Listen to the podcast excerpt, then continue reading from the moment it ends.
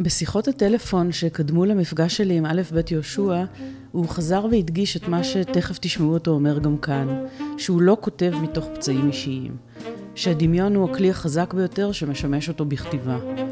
למרות זאת, אה, אין ספק שחומרי הגלם שמהם יהושע בונה את סיפוריו ספוגים בחוויות שרבים מאיתנו מכירים, ובכלל זה מוות ואבל ופרדות ומה שהוא מכנה בשיחתנו נושאים אמיתיים.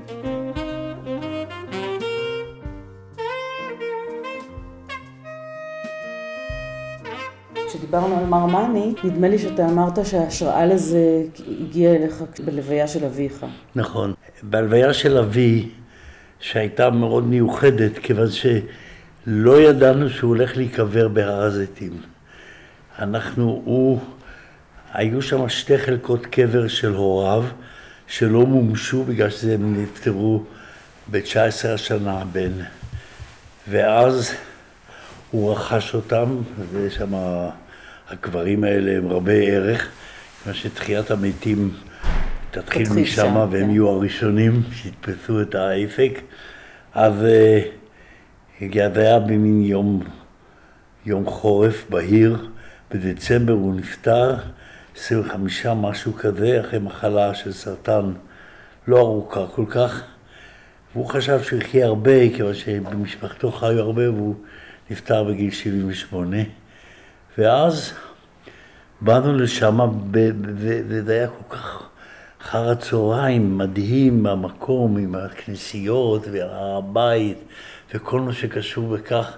יתרו את הקבר, אמרתי את הקדיש, וכיוון שהוא עסק בספרדים במשך הרבה שנים בספרים שלו, 12 ספרים שעסקו בעניין הספרדי וכל זה, אז באמת אה, בן דודי אמר, אביך כרך את עצמו בגבילי ספרו ונטמן ושכב עם אבותיו. המילה שכב עם אבותיו, שהיא הביטוי התנ"כי הקלאסי, הוא בעיניי משהו יותר מאשר מה זה שכב עם אבותיו. שכב זה כל הזמן שכב אירוטית, שוכב אירוטית עם אבותיו, מתמזג בצורה, זה לא רק הוא נטמן עם אבותיו, כן? מה זה שכב? כל הזמן שכב איתה, שכב, שכב, שכב, וכל זה גבר ואישה. ופתאום זה... שכב עם אבותיו, התחבר באופן אירוטי. ואז באמת בא הרעיון על מרמני, הטכניקה שהייתה כבר בגירושים מאוחרים של... של השיחה החד-צדדית. ו... ואז אה, חשבתי... על העניין הזה. הוא היה מתורגמן גם במקצועו, ידע כמה שפות ועסק גם בתרגום. ואז הבאתי את המרמני הזה של, ה... של השיחה השלישית, וזה נתן את הדרייב. אני שמעתי ממספר משוררים אה, אמירה כזאת ש... אה, שרק כשהוריהם הלכו, כן. אה, בעצם התגלה הנוף שההורים הסתירו. כן, נכון, נכון, הרבה פעמים. ובעיתו זה היה, זה היה באמת דרמטי, כיוון שהוא קצת רגז עליי, שאני לא מתעסק בכלל בחומרים האלה. אמרתי לו, החומרים האלה היו קצת זרים לי, אני הייתי בגימנסיה, בחברה אשכנזית מובהקת. אנשים תמיד שוכחים שערב השואה, 93 אחוז מהעם היהודי היו אנשי אשכנזים. כן. היו. ואז, אה, ואז הוא כאילו ככה הרגיש נבגד, שכאילו אני לא מעלה את החומרים האלה. אמרתי, אתה תעשה את שלך ואני אעשה את שלי. ו, ואז באמת אה, זה חזר באופן שאני רציתי לשלוט עליו, לא כפולקלור, לא כ, כנוסטלגיה, לא כזה, אלא בדרך שבה, וזה היה מאוד חשוב לי. הספרדי, בן המקום, לא משנה, אפילו יכול להיות אשכנזי כמו ריבלין, בן המקום, הוא יש לו מסר אחר לכל העם היהודי, אלה שבאו פה בתחילת המאה ה-19 וישבו כאן עוד לפני הרצל, הם יש להם מסר אחר, הם הים תיכוניים, שהם באים לא עם הזיכרון ממרוקו והזיכרון מליטא והכל זה, הם באים בני הארץ, בני המקום. כן. וזה, ואז מזה יצא מרמני.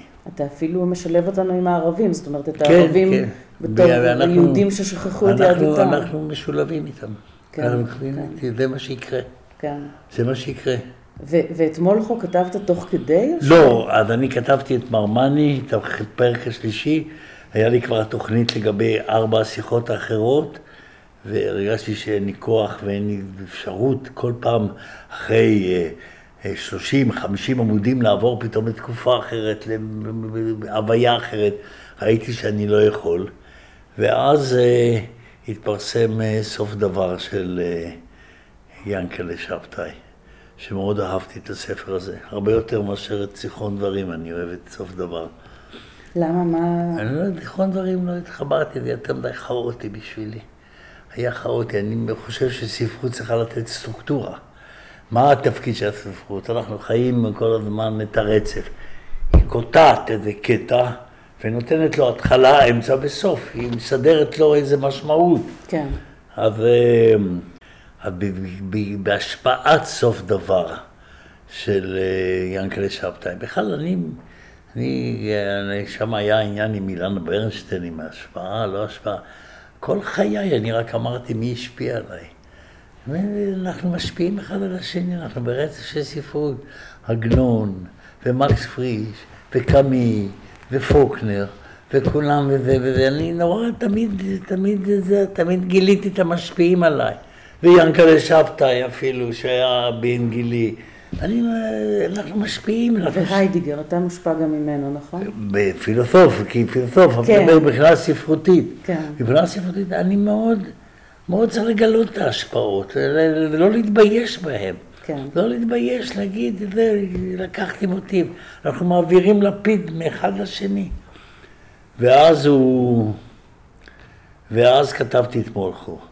מולכו נכתב בי בעקבות מותה של חברה טובה של אשתי, שהייתה פסיכולוגית יחד איתה במחפאה בבית החולים כרמל, והייתה קשורה. והיא... היא הייתה חולה מאוד, סרטן, חווה את זה וזה, ואנחנו נסענו לאמריקה לאיזה שבועיים שמה, ופתאום בעלה טלפן והודיע שהיא נפטרה. ואז אשתי קטעה את הביקור ונסעה לשמה, כאשר כבר זה היה אחרי הקבורה, והוא ישב איתה וסיפר לה את כל סיפור המוות, את כל היום, הלילה האחרון, מה שהתעקשה למות בביתה. וברמה מסוימת, שני העמודים הראשונים, רק שני העמודים הראשונים, או, או, או, או שלושה, ומעבר לזה זה הכל דמיון, אבל בשלושת העמודים הראשונים זה או יותר התיאור שהבעל של אה, חנה שמה, שלה הקדשתי את הספר, אה, אה, אה, סיפר לאשתי את הזהו. והיא העבירה לי את זה אחר כך. בארבע לפנות בוקר נפטרה אשתו של מולכו, ובכל מאודו התאמץ מולכו לזהות את רגע המוות כדי שיחרט וייזכר בתוכו. והוא רצה לזכור. ולאחר שבועות ואף חודשים כשישב ומהרהר בה, נדמה היה לו שאכן הצליח להתיך את רגע הסתלקותה. אמנם כך צריך לכנותו, הסתלקות, הוא היסס. לממשות ברורה, מלאה חיוניות שיש בה לא רק מחשבה ורגש, אלא גם אורות וקולות, כמו הצבע הגמני של תנור החימום הקטן, הירקרקות הזורחת של הספרות בשעון האלקטרוני, אלומת אור צהבהבה שזרמה מחדר האמבטיה והעלתה צלים גדולים במסדרון. ואולי גם אור השמיים, אור ורדרד או שנהבי שהפיק האפלה העמוקה. הוא דימה לחשוב שאכן זכר את שמי הבוקר החשוכים כדי להוסיף עוצמה והתרגשות גם מן הטבע, אבל בהם כבר לא היה בטוח, גם לא בקולות של הגשם והרוח, אבל ידע שהייתה מוזיקה, כן, מוזיקה אמיתית. בעצם ידו הפעיל אותה. בהחלטה מהוססת, אבל גם באמונה שאם היא מבקשת לשמוע משהו בעת גסיסתה, הרי זו אותה מוזיקה שכל כך הייתה להוטה אחריה בחודשים האחרונים, כשהקריאה נעשתה קשה יותר ויותר, ובשעות הכאבים והטיפולים הייתה חובשת האוזניות הסטריאופוניות הקטנות כמו קשרית ברכב מלחמה נוסע, בוררת אחת מן הקלטות שהיו מונחות ידה ומפעילה את המחשב. זאת אחת הפתיחות היותר אה, סוחפות ושוברות לב שקראתי כן, בעברית, כן, הסיפור ה... פה ושהיא שמה נותן את המוזיקה, עם המוזיקה בדיוק, כן. עם המוזיקה, והוא נותן לה את זה ואת הכל, והוא מפחד שהוא, מכיוון ששני לילות לפני כן הוא, הוא, ניס, הוא ניסה להחיות אותה, הוא אמר לו, מה אתה, למה ניסית? תן לה למות בשקט. ואז הוא יוצא מן ה... מן ה... מן המערכת כשהיא מתה, טלפן לאימא שתבוא, ואז הוא אומר, אני חופשי. עכשיו שבע שנים, אז זהו. וזה באמת קורה לאנשים שמטפלים ביקיריהם וזה, ופתאום חופשיים. והוא לא חופשי. ו, ו, ואני לא הבנתי למה לא יכול היה ליצור קשר עם אישה אחרת, עד שקראתי ביקורת קטנה שנכתבה על מולכו, מאיזה אחת שהיא הייתה כתבה בכל, במקומוני תל אביבי, אינטליגנטית, אחר כך היא נפטרה בעצמה, והיא אמרה, כיוון שהיא הייתה עדיין בתוכו. והוא לא יכול היה לשכב עד שהוא לא ישחרר אותה מתוכו. ו, וזה העניין, ש... הוא היה שבע שנים והיה לו כל הלגיטימציה לשכב עם אישה אחרת ולעשות הרפתקאות, והיא בתוכו. והוא צריך היה להעביר, אחרי הטיפול המסור והנאמן של שבע שנים, הוא צריך היה לעשות את הטיפול הנפשי לה. עכשיו הוא צריך לשחרר אותה מהסיבה למוות. הסיבה היא נפשית, ולכן הוא צריך לעשות עוד פעולות כדי לשחרר אותה. וזה נעשה בשלבים, כן? אני לא הבנתי, לא הבנתי, ראיתי רק שאני, הוא לא יכול לשכב, זה, זה משהו עוצר אותו, ולא הסברתי לעצמי. ואחר כך, דווקא אחרי מות אשתי, פתאום קראתי את הספר עוד פעם, ואני תמיד התגאיתי ואמרתי את זה בהלוויה, שהנישואים שלי היו כל כך חזקים, שהיא לא היה לה שום טענה שאני בגיל 50 כותב על אדם שאשתו מתה. היא אהבה את הספר הזה. ו...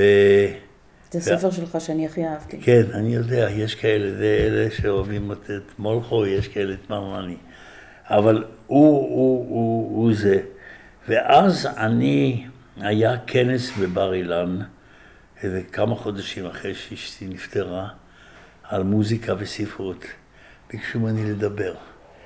ואז לקחתי את מולכו, ואני אף פעם לא לימדתי את היצירות שלי, אף פעם לא לימדתי אותן.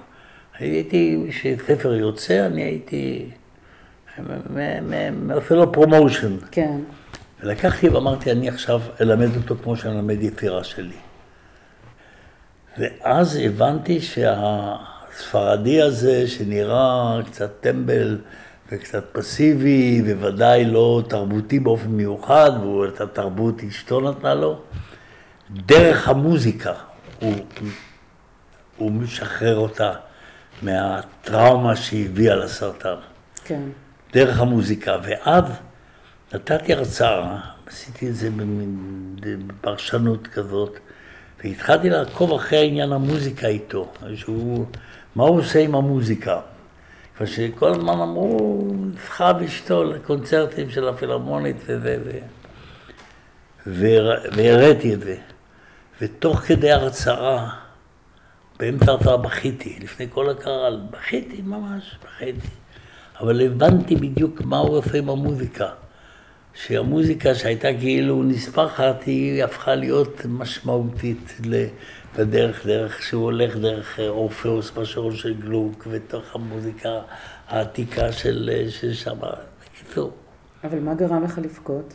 פתאום נזכרתי באשתי, הייתי במצב, זה היה כמה חודשים אחרי המוות של אשתי, אני הייתי בכלל שבור לחלוטין, שבור לחלוטין. הייתי ביחסים מכל זה, והסרטן שהגיע לי זה גם אה, כתוצאה משם. בסדר, היה לה מוות קל, והיה, והיו יחסים כאלה טובים, ולא היה שום אשמה וכל דבר כזה. מבחינה זאת, היה לה, היה לה מזל. היא הייתה תמיד אומרת, אני ברת מזל. ומזה היה לה מזל, היא גם מתה במזל, תוך חודשיים לי, אבל בכיתי, זוכר בכיתי לפני הקהל, באמצע פרשנות. כבר שצריך היה ללכת אל, הר... אל הסיבה הנפשית לסרטן, ולא את הסיבה הגופנית לסרטן. כן. אתה לא מרבה לבכות? לא, לא מה לבכות. אשתי הייתה חולה, בכיתי הרבה לפני כן. הייתי הולך למקומות והייתי אומר, היא חולה מאוד ובוכה, וזה, ואחרי שהיא מתה, באמת הייתי, בכיתי הרבה, ו... ורציתי, ורציתי למות, כן, אמרתי, די, כבר בשביל מה? היא חסכה לה כל כך הרבה. חסכה לה בחירות חמישיות ושישיות וחסכה לה את טראמפ, חסכה לה את זה. כמה שנים, כמה שנים הייתם ביחד? 56. אני חושבת שבמולכו כתבת את זה, ש, שהמוות של, זה גם ה, פתאום הפרידה מהזיכרונות המשותפים, נעלמים גם זיכרונות. נעלמים גם זיכרונות, היו חלומות איתה וכל זה, אבל זה היו נישואים טובים, ולכן לא, לא נושאים את הדבר הזה של אשמה ומה יכולתי לעשות וכל זה. קיבלה ממני את הטיפול הכי טוב בעולם. והיא נתנה לי את מה שהיא נתנה לי, ושום דבר. זה שהיא מתה, אני אמרתי, אני מוכן למות גם כן, מה אכפת לי? אני אומר את זה ברצינות, גם עכשיו. אבל הנה, אפילו כתבת עוד ספר. כן. זאת אומרת שעוד יש בך כוח חיות. אה, אה, יש כוח, אני גמרתי את המנהרה, המנהרה נפסקה באמצע שהיא נפטרה. היא נפטרה באמצע כתיבה, גמרתי את המנהרה, וכוחות החיים באו. כן. שזה דבר טוב אבל, לא? טוב ולא טוב, אני יודע, זה נראה בסוף. בשתיקה הולכת ונמשכת של משורר, שהוא גם מן הסיפורים המופלאים כן. בעיניי. אני יודעת, אמרת לי בטלפון שמרגיז אותך שכל הזמן חוזרים לסיפורים הראשונים. לא, אני יודע. ומציינים כמה הם טובים, אבל אני מאוד אוהבת את, את הז'אנר של סיפור כן, קצר. כן, נכון, נכון, נכון. הז'אנר הוא זה, והנה, זה היה באמת חזרה קצת לסיפור הקצר. ברמה מסוימת, והכתיבה הייתה קשה יותר. הבת היחידה, כן. כן, היה קשה יותר לכתוב את זה. כי אין מרחב, צריך כן, נורא להצטמצם. כן, להתרכז בפרוזה ולדייק כל... גם, גם בסיפור אה, שתיקה הולכת ונמשכת של משורר, זה די בהתחלה, אחרי שהם אה, יולדים את הילד הנוסף, קצת מתביישים בהיריון כן. המאוחר, ו, אה, אז האישה מתה. כן. והוא נותר עם הילד, כן. הבנות כן. מתחתנות ועוברות לירושלים, וה, וה, והוא נותר עם הילד. ויש שם איזה רגע שהילד שכאילו לא ברור כל כך, אני לא חושבת שאתה אומר את המילה מפגר. לא. אה, גבולי. כן, אבל אולי באיזה עיבוד טלוויזיוני היה ילד מפגר, אני כן. חושבת. שלא כל כך ברור מה הוא יודע, מה הוא מבין, מה הוא קולט. אה, אתה, האבא מוצא שהוא קובר את התמונות של האימא המתה. בחצר, ואני, ואז חשבתי שדווקא המוות משמש שם בתור משהו נורא עז, נורא מטלטל, שפורץ את הגבולות האלה של החוסר תקשורת של הילד. כן, הוא באמת זהו. והעניין הוא שהסיפור הזה הלוא בא מהלבלר הקטן מפירנצה, זה בעצם מההשראה שהייתה. פה, שזה היה הסיפור הכי חשוב, שממנו לקחתי את ההשראה למסע, לשתיקה הולכת, והנה באמת אה, הבת היחידה, היא עושה ביקורת על שני הסיפורים. כן. ואז היא נותנת, היא מבקרת מבחינה מוסרית את הספר, את הסיפור השני. כן. ונתתי לה לבקר את הסיפור שהיה בשבילי הסיפור הכי אהוב, אז היא נותנת את זה. הצצנה שאני הכי אוהב בספר זה הסצנה שהיא באה למורה הזקנה שלה. שהיא לא רוצה לבוא, מה יצא לי מזה, מה יצא לי מזה וכל זה. ואני זוכר, היינו מבקרים אצל המורים בתיכון, זה היה תמיד איזו חוויה מיוחדת. ואז היא רצתה שהיא תשווה בשני הסיפורים, והיא אומרת, הסיפור הזה לא נכון מבחינה מוסרית, ותקפתי את עצמי, כן. אז הנה, פה שוב יש מוות שמרחף מעל כל הסיפור, כן. ואבא שלה יש לו תוספת במוח, שזו מילה שהיא ממציאה, כדי להסביר לעצמה. את המילה. את המילה, התוספת, כן. ואתה הפעם מנסה את ההתמודדות הזאת של מה זה אומר, והפחד מפני המוות, דווקא מתוך תודעה ילדית. כן, תודעה של ילדה. כן, שהיא לא, היא לא היא מבינה שזה הולך לזה, אבל היא מרגישה, וכל הזמן אומרים לה, את צריכה להיות חזקה. ואת צריכה להיות חזקה, והיא רוצה, והסבתא שולחת אותה אל המורה כדי שהמורה תספר לה על ילדים שמתמודדים עם משהו קשה בבית. היא פוגשת ילד שאבא כן, שלו נפטר. כן, שניים אפילו. כן. והיא נותנת לו, נותנת, אה, זאת אומרת, הם, הם אה, מחזקים אותה, וכל הזמן היא אומרת, מה, אני ילדה חזקה, ולמה רוצים? וה, ואפילו מנהל בית החולים רוצה לראות אותה כדי לחזק אותה. היא מרגישה שרוצים לחזק אותה, והיא לא מבינה בדיוק למה כל כך היא צריכה להיות חזקה, כיוון שבסך הכל אה, זהו, אז המוות מחלחל לילדים שצריכים להתמודד עם דבר קשה בבית. זה, זה בעיה בפני עצמה, וזה בלב. יש את זה עם ילדים שההורים שלהם עניים, או שזה, או שכל מיני דברים. למה החלטת לחזור לתודעה של ילדה, שבאמת לא כתבת ילדה מאז דאפי? נכון. זה היה על פי, על פי סיפור של, של אחת ש... אה, אה, הספר מוקדש לשרה, והיא אה, באה, היא כתבה דוקטורט על ההתקבלות של איטלקיה, שחיה פה כבר, והיא כתבה דוקטורט על, ה, על ההתקבלות שלי באיטליה, והסבירה מה הסיבות להתקבלות המיוחדת הזאת שלי ושל סופרים אחרים. ו... והיא סיפרה את הסיפור הזה בדיוק כשהייתה, הסיפור שהתחיל את הספר, שהיא הייתה יהודייה היחידה בכיתה, וקבעו שהיא תשחק את המדונה, והיא... אה, ואבא שלה אסר עליה, למרות שהוא לא היה דתי במיוחד. ומזה התחיל, וזה התחיל, מזה היה הסטארטינג של, הסיפור. אבל אז באמת מסתבר דבר שהוא, אני חושבת, קשה להרבה מאוד אנשים שאיבדו מישהו אחר להבין, וזה שעכשיו כל מה שנשאר לא פתור, זה, זה עלינו. אנשים הלכו, אבל יש לנו, נשאר לנו איתם איזה דיאלוג. נשאר שעכשיו הוא חד צדדי. נשאר דיאלוג, נשארי חלומות, נשארים כל מיני דברים כאלה, אבל אני יודע שהרבה פעמים, אם היחסים היו כל כך טובים, וכל זה, אז, אז האבל הוא, הוא הולך, וזה לא היה איזה מין קטיעה כזאת של ילד, אני יודע, אני, אני מאוד חבר עם גרוסמן, ואני רואה את ה... מה שקרה עם אורי וכל זה, כמה כבד להם וכל זה. אבל אם זה המוות הזה, ואתה בכלל לא, אף פעם לא מפחד מהמוות, ומוכן שגם אתה בעצמך תמות, ורואה את המוות שלך כאפשרי ולא בכלל טרגי, והגעת לגיל מופלג, והחיים היו טובים, אז, אה, אז אתה יכול לעבור הלאה, לעבור הלאה ולא להתחפר במוות הפתולוגי, באבל הפתולוגי. יש האבל הפתולוגי. ומבחינה זאת לא היה לי אבל פתולוגי אחרי אשתי.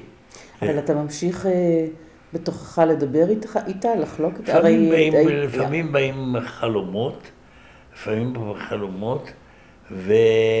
אבל חשוב לי קשר עם אישה. קשר עם אישה חשוב לי מאוד. הנה, אנחנו היינו זוג, לפעמים זה קצת היה על חשבון הילדים, את יודעת, כמו תמיד, ביחד כל הזמן, וזה, ובסדר.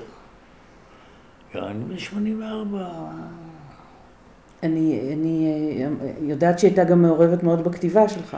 היא לא הייתה מעורבת במובן הזה, יש כאן תהליך חירות. כן. לא היה זה. אני תמיד אמרתי, הנה, אני כותב בגיל 50, אדם שמאבד את אשתו מתחיל עם המוות של האישה והוא אלמן, ולא היה לה שום טעות, היא נתנה לי חירות. היא לא הייתה מעורבת במובן הזה, אני, לא, לא זה, נתתי לה את הטקסט אחרי שהיה איזה, איזה בוכטה מסוימת של טקסט שיכולתי להציע לה ולראות מה התגובה שלה, אם היא מרגישה שזה אה, בסדר. ואז היא, והיא עברה ספרים יותר כאלה וספרים כאלה פחות. העברית שלה הייתה יותר מוקפדת ממני. העברית שלך היא מאוד משועשעת לפעמים. כן, כן. טוב, העברית שלי לא מוקפדת כל כך. גם יהושע קנבר מתקן לי את העברית. הוא, יש לו עברית טובה. ומאוד היינו חברים. הוא היה קצת המודל שלי של אה, במנהרה, בדימנציה, שהוא התחיל הדימנציה שלו. הוא התחיל איתה בצורה הומוריסטית כזאת, ו... ושם קרה משהו מעניין במנהרה. במנהרה הספר התחיל כאילו בדירה הזאת, ובשלב מסוים, בלי להבין, העברתי את זה לדירה שלו באמדן חמש ביד באזל. העורך שם לב שאני פתאום מחליף את הדירות. ותוך כדי הכתיבה. והוא השאיר את זה, את החלפת הדירות. אומרת, מי שקורא טוב רואה, זה התחיל באיזה מגדל שרואה את כל העיר וכל זה, ונגמר בעמדן חמש, אני, הוא הוסיף קומות, כן, אבל הוא באופן אלגנטי עשה את זה, ואמר, אם אה, טולסטוי החליף את העיניים של נטשה מכחול לשחור, גם לך מותר להחליף את הדירות. ואם הגיבור שלך הוא דימנטי, אז אתה יכול להחליף הרבה דברים. כן, אבל אה, אני, המחבר הוא לא כן, דימנטי. כן, כן, כן. טוב, אז אני אתחיל איתך ישר בדבר המרכזי שמטריד אותי. מאז ששמעתי את ההגדרה שלך למהו מעשה אומנות, אה, תרגום של אה, חוויה רגשית או של ניסיון רגשי שמייחסים לו איזה ערך. ניסיון חוויה... נפשי. נפשי, כלומר ניסיון שיש בו לא רק משהו אובייקטיבי שזה, אלא שיש בו גם מעורבות נפשית כלשהי. אתה רוצה להעביר את זה למישהו אחר, לעשות שיתוף, לא שהוא ידע על זה, לא שהוא יבין את זה, אלא שהוא יחווה את זה. יחווה כמו שאתה חווה את הגרזן של רסקוניקוב, שכאילו אתה מטיל את זה על, ה, על החוויה עוברת. לכן אתה בוכה, כשאתה קורא עיתון ואתה יכול לקרוא שם על אסונות גדולים, אף אחד לא יביא דמעה. ואדם קורא ספר ופתאום הוא בוכה, על מי אתה בוכה? הלוא הכל פיקציה. למה אתה לא בוכה על העיתון ולמה אתה בוכה בספר? כיוון שזה עבר אליך, זה קרה לך. ואז אני שואלת על, על ההימנעות הגדולה שאתה חוזר עליה בכל ראיון ובכל הזדמנות, שאתה אומר, אני לא כותב את הדברים האישיים שלי, אני לא כותב מאיזה מפצעים אישיים שלי, אז מאיפה החוויות? לא, אני כותב, מהדמיון. יש כמובן גם ניסיונות אישיים פה ושם, אבל אני, אם אני כותב מסע אל תום האלף, אני לא, היה לי ניסיון עם אה, שתי נשים, אבל אני יכול לדמיין את עצמי, זאת אומרת, אני בדרך כלל אה, סומך על הדמיון שלי. הדמיון שלי הוא חזק, ולכן הוא נותן לי חומרים. אני לא צריך לחפש בביוגרפיה שלי, כיוון שבביוגרפיה שלי אין דברים שראויים להבאה. לא, לא, אני, העניין הביוגרפי זה תלוי כל אחד על פי דרכו. בעמוס אמר, יש לי פצע, אמרתי, אין לי פצע.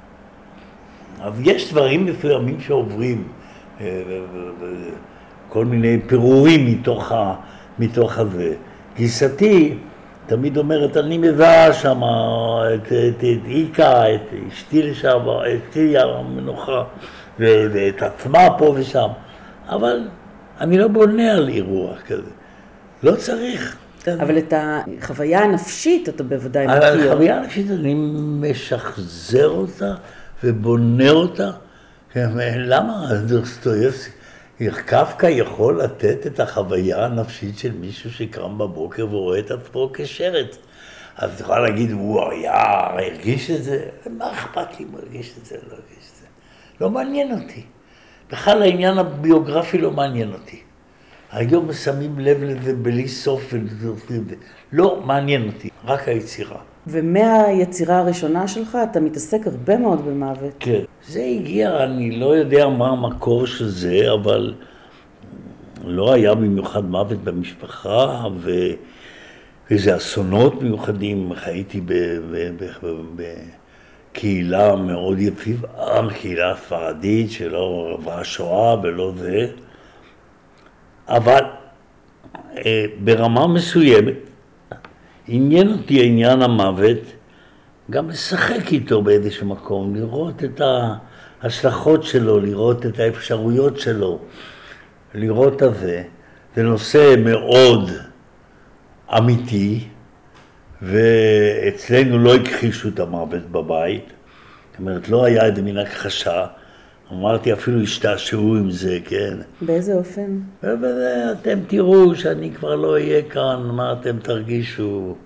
אתם תבכו עליי עוד, אתם תצטערו עליי, כן? אתם תראו, זה לא... אתם מזלזלים בי, אבל אתם תראו, תבכו עליי. אז כאן כל זה. אז זה היה, זה היה זה, ואבא שלי היה מגדיל את ה... אה, גילים של אחיותיו, אחיותיו הגדולות. הן היו אומרות שהן קצת, הן היו מורידות שנה או שנתיים. אני אומר, לא נכון, את נולדת ככה, זה דוחף אותם למעלה. וזה היה איזה מין סוג של הומור כזה. והכנסתי בתוך זה את העניין של ההומור. ההומור מאוד חשוב לי. יש המון הומור כן. בספר, אפילו ב... אה, עכשיו קראתי שוב את מולכו, כן, למשל, מולכו. כי ברור ששם יש עיסוק מאוד גדול במוות, אה, והקטע שבו הוא, אה, לדעתי, דוחף אותה במדרגות. כן. במולכו אני צוחק, יש כאלה, דרור משעני לימד את מולכו באוניברסיטה, הוא היה מלמד את זה מפעם, ופעם הוא היה אומר, בכיתה אחת דממה גמורה, קוראים את זה, לא זה. כיתה שנייה צוחקים, כל יום צוחקים. אני נורא צוחק כשאני קורא את מולכו. נורא מצחיק גם מה שקורה שם, התודעה שלו והלא תודעה שלו, ואיך הוא משחק עם זה, עם כל זה. נכון, הומור מאוד חשוב. אני בכלל, טענתי שעגנון שרד בגלל ההומור. הוא שרד מכל מי, המון סופרים שהיו סביבו. שלא תזכרי בכלל את שמותיהם ולא יודעים את שמותיהם חוץ משמות של רחובות. ברש ובורלה ומילו, מילו ושנהר והזז וזה וזה וזה וזה. תיכנסי לחנות ספרים, אין ספר שלהם, שום דבר. עגנון לא בגלל שהוא כתב על העיירה וזה כל כך משך, אלא בגלל שיש לו כל הזמן הומור. וההומור הזה זה כמו טפטפת כזאת. שאת האדמה היבשה של הפרוזה עושה אותה חיה. כן. אתה באמת משלב הרבה הומור גם כשאתה מדבר על דברים אה, מאוד מאוד קשים. אם, אם נתחיל במות הזקן למשל, שזה סיפור לגמרי קפקאי כזה, מאוד... כן, אה, וגם הומור. הוא מלא הומור, כן, מלא הומור. מלא ש... הומור, כן, במיוחד בסוף שהיא אומרת לו, יאללה, אתה תבוא גם תגור כאן איתנו. שם הם אומרים לו לזקן, הרי יש גבול כמה אפשר כן, לחיות. כן. כן. שבן כמה היית כשכתבת את זה? אני הייתי בן 21. אה, ואתה לוקח על עצמך שם דמות של אדם מאוד מבוגר. כן, כן, וחשבתי שזה, בסמליות זה היה, שמה היה אשטור, כן? זה היה תקופה כנענית, שכולנו היינו כנענים, יהושע כנען היה מאוד כנעני, מאוד כנעני בדעותיו, כן, בתפיסה שלו. מי שהיה דעה על השואה, הוא לא רצה לדבר אף פעם. הוא היה מיוחד, ואז... ואז באמת אה, חשבנו, את היהדות שמתעקשת להתקיים עוד נקבור. בסוף הזקן הזה יצא מן הקבר והוא קבר את כל השאר ונשאר. אני אין, לא קראתי את זה במהדורה המקורית, אין להשיג את זה בשום מקום. כן. אה, אבל זה יצא אחר כך שוב בקובץ הסיפורים. בקובץ סיפורים, כן. כן. ושם ישנו סיפור שבאמת, אני חושבת שלא ירפא ממני שבועות אחרי שקראתי אותו, וזה בתחילת קיץ 1970. כן. שזאת מן הסתם מלחמת ההתשה עדיין. התשה. בסוף הסיפור מסתבר שלא בנו הוא שנהרג. אין כמובן שום הקלה לקורא. כן. אנחנו נשארים עם המועקה, כי אם זה לא הבן שלו, זה בן של מישהו אחר מן כן, הסתם. ו- והייתה לו פן, ברמה מסוימת הוא המית אותו ב- כן. במחשבה שלו. ויותר מזה, כשהוא נושא שם איזה נאום בפני בית הספר, הוא אומר שהוא מסוגל לעמוד במכה הזאת, משום שהתכונן לזה כל החיים. מתכוננים, וכאן במלחמות, אנשים לא מבינים מה זו הייתה מלחמת ההתשה. זו הייתה המלחמה הכי קשה, לפי דעתי. אבל שלא היה לה שום גבול, לא ידעו מתי זה ייגמר. זה היה בכל הגבולות, וכל פעם היו נופלים איזה, ביום אחד היו 13 חיילים נורים ב... ב... ב... ב... ב... זהו. ו... ו... וזהו, ואז באמת אה, העניין הזה של, של המלחמה, ושל ה... שפרצנו גבולות, פתאום מדינת ישראל אין לה גבולות, והגבולות פרוצים. זה... אז באמת הוא התכונן, כן, אדם ששלח את הבן שלו לצבא וידע שהוא הולך לתעלה או הולך לבקעה, יכול היה לדעת שיכול לקבל את ההודעה וזה. מיכל גרוסמן סיפרה לי, היא אמרה, הדלקתי את האור במדרגות, שמי שיבוא, לא זה, לא יודע, ככה היא סיפרה לי. זה שאתה לא מתערטל בכתיבה שלך, כמו שהיום מאוד מקובל, זה נורא מרגיע, זה נורא, לפי דעתי, מוריד את הכתיבה. העניין הזה, הפייסבוק. אני הייתי פה, מצלם את עצמי על שפת הים. כל העסק האישי הזה, שבפולחן הזה, בעיניי, לא מעניין אותי. אני תהיתי אם זה חלק מה... לשמור על איזה מעמד של... אה, לא, זה לא, הרי, היו תקופות, סופרים כמוך ואחרים נחשבו סוג של מורי הדור, לא, לא פנו ל... פנו אליכם בכל פעם שצריך ל- ל- לדבר על איזושהי סוגיה כן. מוסרית. אז האם גם זה משהו שמונע כאילו את החשיפה הזאת האישית, או... כן, גם, גם אה, זהו, תראי מה קורה עכשיו עם העניין של עמוס עוז. תראי מה שעכשיו מתנפלים על זה ב, ומגרמים את זה. וטוב, הוא גם דיבר מאוד על עצמו, כן? והסיפור אהבה וחושך וכל הדברים האלה. כן. והעמיד את הביוגרפיה שלו, והעמיד את עצמו בדברים האלה. אה, אני לא מרגיש שאתה צריך להרחיב את עצמך. במהלך 56 שנה ביחד מדברים על היום שבו אחד מכם יישאר לבד? היא אמרה לי, אני לא אחיה הרבה, ככה היא אמרה לי בשנים, בשנתיים האחרונות. אני לא אחיה הרבה. נדמה לי, כן, בכל זה. והיינו בריאים, ולא לא, לא מדברים על זה. המוות הוא חלק מהחיים, צריך לקבל את זה, זה לא נורא, זה בסך הכל, מה? והדברים הכי מפחידים אותי זה הניסיונות עכשיו לעשות, אה, להאריך את החיים מעל ומעבר. זה יהיה נורא, תהיה קטסטרופה פה, בכל העולם. מה זה להאריך את זה? בשביל מה? בשביל לכתוב עוד?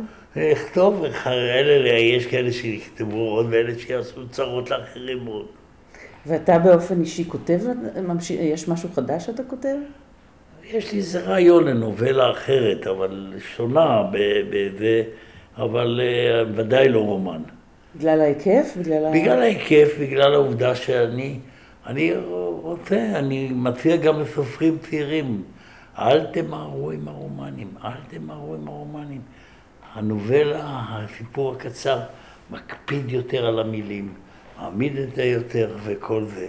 ולכן אני, אני חושב שהרומנים, ההוצאות דורשות רומנים, כיוון שזה, זה, אתה נסחף עם העלילה ועם החוכמות האלה והסדרות האלה שהרסו את כל ה... את הספרות, כיוון שכל היום צריך להמציא משהו אחר כדי לזה, אז אתה רץ עם ההמצאה, ואז אתה שוכח את, ה, את היחידה הקטנה, את הפרוזה. אז אתה כותב אבל. אני רוצה שתגיד? לי שאתה כותב. למי זה חשוב? למי לי כקוראת. שום התחייבות. שום התחייבות. תודה רבה. אה?